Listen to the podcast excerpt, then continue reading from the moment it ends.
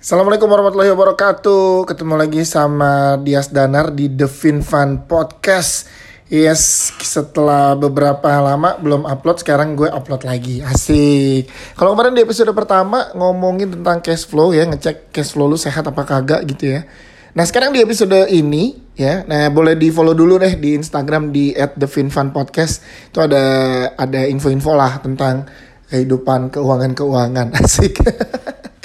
Di episode kali ini gue coba mau ngebahas tentang ini ah yang lagi paling rame diomongin dana darurat. Ah, kalau ngomongin dana darurat itu banyak orang yang nggak ngerasa dana darurat itu penting sampai satu kejadian itu terjadi yang mendadak, yang nggak dikira-kira, yang nggak disangka-sangka harus mengeluarkan uang yang besar. Nah lo, ya kan? Baru deh butuh. Waduh, tabungan gue ternyata nggak ada nih.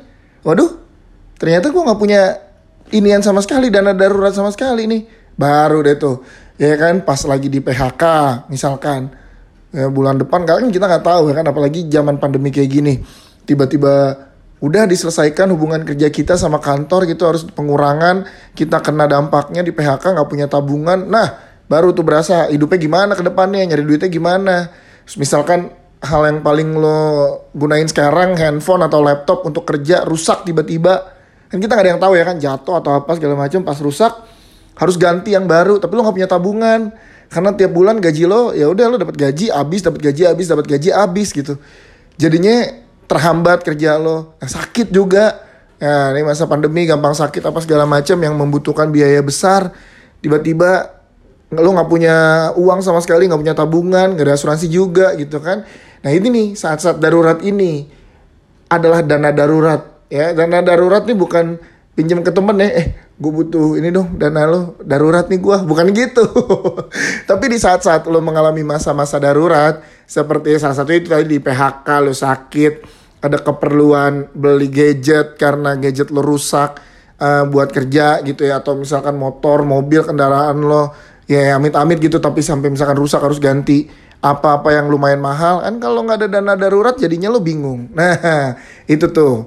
Nih ini ini ini singkat aja di di episode kali ini. Langsung gue kasih tahu rumus-rumusnya yang gue pelajarin ya. Ini yang gue pelajarin.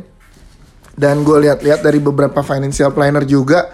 Kalau rumus dana darurat itu kalau lo single lo sendiri lo masih belum ada tanggungan. Cuman lo menanggung diri lo sendiri. Itu rumusnya adalah enam kali dari pengeluaran bulanan lo. Ya bukan enam kali gaji lo tapi enam kali dari pengeluaran bulanan lo kalau lo punya istri atau lo punya suami, punya pasangan gitu ya, ya kali dua aja, berarti 12 kali. Yang adalah berarti ya lo bisa bertahan 6 bulan ke depan, pasangan lo atau orang yang lo tanggung atau istri lo gitu bisa bertahan 6 bulan ke depan. Dan kalau lo punya ya satu anak, jadi kan bertiga tuh dua orang tanggungan sama lo bertiga ya 18 kali. Kalau lo punya dua anak, ya kondisinya kayak gue gitu ya, gue punya dua anak, jadi gue kan empat menanggungnya. Nanggung gue diri sendiri, istri gue, anak gue dua, jadi empat. Berarti ya 24 kali dari total pengeluaran bulanan. Nah kan yang di episode sebelumnya udah ngebahas tentang cash flow kayak gimana sih. Ya kan berapa persen, berapa persen, berapa persen gitu kan. Nah lo hitung misalnya nih ya. Jadi kenapa sih 6 bulan gitu nih. Nih kenapa 6 kali gitu. Nah ini 6 kali itu adalah estimasi sampai lo punya pekerjaan baru. Ya. Sampai lo punya penghasilan baru lagi. Kalau sampai misalkan lo di PHK, gitu lo diputus hubungan kerja. Jadi lo punya dana 6 bulan untuk lo mulai menata bisnis lo yang baru mungkin ya. Lo bisa dapat kerjaan lagi. Masa sih? Ya itu sepait-paitnya ya. Masa sih sampai 6 bulan gitu. Biasanya kalau lo punya koneksi dan relasi yang bagus skill lo oke okay, 2-3 bulan sih harusnya bisa langsung bekerja lagi gitu dengan kemampuan yang lo punya dan membuka peluang-peluang bisnis lainnya. Itulah kenapa 6 kali. Jadi lo at least punya 6 bulan ke depan untuk bertahan hidup tanpa mengutang tuh. Karena lo punya dana darurat yang udah lo persiapkan tadi gitu. Ya tau ya dana darurat tadi ya kalau misalkan lo lihat dengar di minggu lalu dengar lagi deh pembagiannya gimana tuh dari gaji? 50% konsumsi berapa persen untuk investasi berapa persen untuk utang uh, dan lo siapkan juga untuk dana darurat dan lain-lain. Itu coy ya. Ingat ya 6 kali kalau lo sendiri lo berdua 12 kali lo bertiga ada punya satu anak 18 kali dan kalau lo berempat punya dua anak 24 kali dari pengeluaran bulanan. Contoh-contoh, contoh. Contoh misalkan uh, lo hidup sendiri ya, lo hidup sendiri gaji lo itu 10 juta. Oke, gaji lo 10 juta, lo hidup sendiri. Bulanan lo, ya, pengeluaran bulanan lo itu 5 juta. Berarti kan setengahnya tuh pengeluarannya. Nah, ini yang lo harus siapin. Berarti 5 juta dikali 6 dana darurat lo at least di tabungan lo punya uang 30 juta. Dana darurat. Karena kan pengeluaran bulanan lo mau kerja lo nggak kerja ya kan? Lo tetap harus keluar tuh pengeluaran bulanan lo. Konsumsi ya kan? Biaya makan biaya hidup dan lain-lain. Nah ya kan? Itu jadi pasti keluar. Jadi let's say lo punya gaji 10 juta selalu punya gaji 10 juta pengeluaran lo misalkan um, 5 juta tadi yang gue bilang ya 10 juta yang lo keluarin 5 juta tiap bulan. Berarti lo punya 5 kali 6 at least di dalam tabungan lo. Untuk yang sendiri. Kalau yang berdua ya tinggal dikaliin aja. Misalkan gaji lo 20 juta, pengeluaran bulanan lo satu keluarga 10 juta. Lo bertiga nih anak satu, ya berarti lo harus punya kali tadi yang gue bilang kali, kali 18 180 juta. Kan tiga orang. Kalau satu orang 6 kali 6 bulan. Gitu. Kan tiga orang jadi hitungannya 18 bulan. Walaupun sebenarnya kalau dibagi tiga ya 6 bulan, 6 bulan, 6 bulan semua. Gitu ya. 6 bulan ini udah beneran paling apa ya minimal sebenarnya. Uh, walaupun harusnya setiap orang menurut gue bisa kalau lo push dan lo bisa hemat-hemat dari pengeluaran, investasi, utang dan lain-lain, harusnya satu orang bisa setahun minimal gitu. Harusnya tapi 6 bulan ini udah udah efektif lah gitu kalau lo punya dana cadangan atau dana darurat 6 bulan. Nah, terus Nih, jangan sekali-sekali naroknya di mana nih gitu ya? Naroknya di mana nih dana darurat tuh naroknya di mana?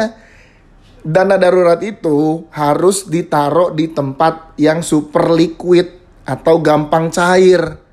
Oke? Iya bank, bank sama reksadana pasar uang.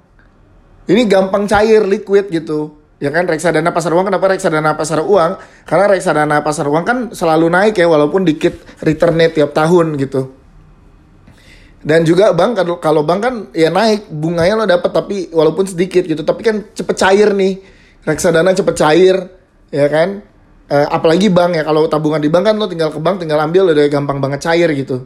Nah ini lo bisa tabung di situ lo boleh 100% di tabungan di bank full dana darurat lo lo kumpulin di satu bank itu ya atau yang kedua itu bisa di 50%-nya di bank, 50%-nya di reksadana pasar uang. Gitu. Ya, jangan di ini kalau deposito kan ada jangka waktu kalau deposito harus minimal setahun atau dua tahun gak boleh diapa-apain duitnya. Ya jangan gitu kan kalau dana darurat namanya juga dana darurat. Kita kagak tahu kapan keluarnya gitu, kapan dibutuhkannya. Ya, saham itu jangan tuh saham. Saham reksadana saham pun jangan. Kalau reksadana boleh reksadana pasar uang. Ya, salah kalau lo saham kalau ntar lo butuh tapi lagi turun gimana? Lo rugi dong jualnya. Ya kan? Nah itu jangan tuh kayak gitu. Itu nggak liquid. Emas boleh lah emas. Ya. Tapi ya ini ini ini apa ya? Ada resiko juga emas. Liquid tapi harganya kan naik turun tapi tinggal terus signifikan tapi jadi tapi masih boleh lah gitu ya. Jadi kalau misalkan lo mau taruh boleh di tabungan sih kalau gue 50% di tabungan biasa gitu ya, di tabungan khusus, tabungan sendiri untuk dana darurat. 50% lagi emang gue di reksadana pasar uang yang memang selalu untung walaupun pendapatannya atau returnnya itu nggak gede setiap tahunnya gitu. Tapi at least naik terus. Jangan saham deh karena fluktuatif banget. Jangan deh. Ya, yeah, you name it lah saham peer to peer lending, eh, SBR gitu-gitu.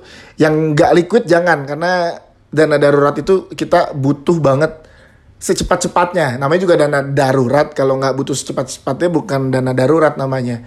Gitu. Jadi menurut gue ya, nih nih gue sih berpendapat kenapa sih kita mesti nyiapin dana darurat. Ini satu apa kak sikap bijak dari setiap orang kali. Kalau lo tuh ya lo sadar akan ada hal-hal baik berarti lo akan sadar juga mungkin terjadi hal-hal buruk yang kita tidak duga-duga gitu. Makanya harus dipersiapkan dana daruratnya, jangan sampai menyusahkan orang lain.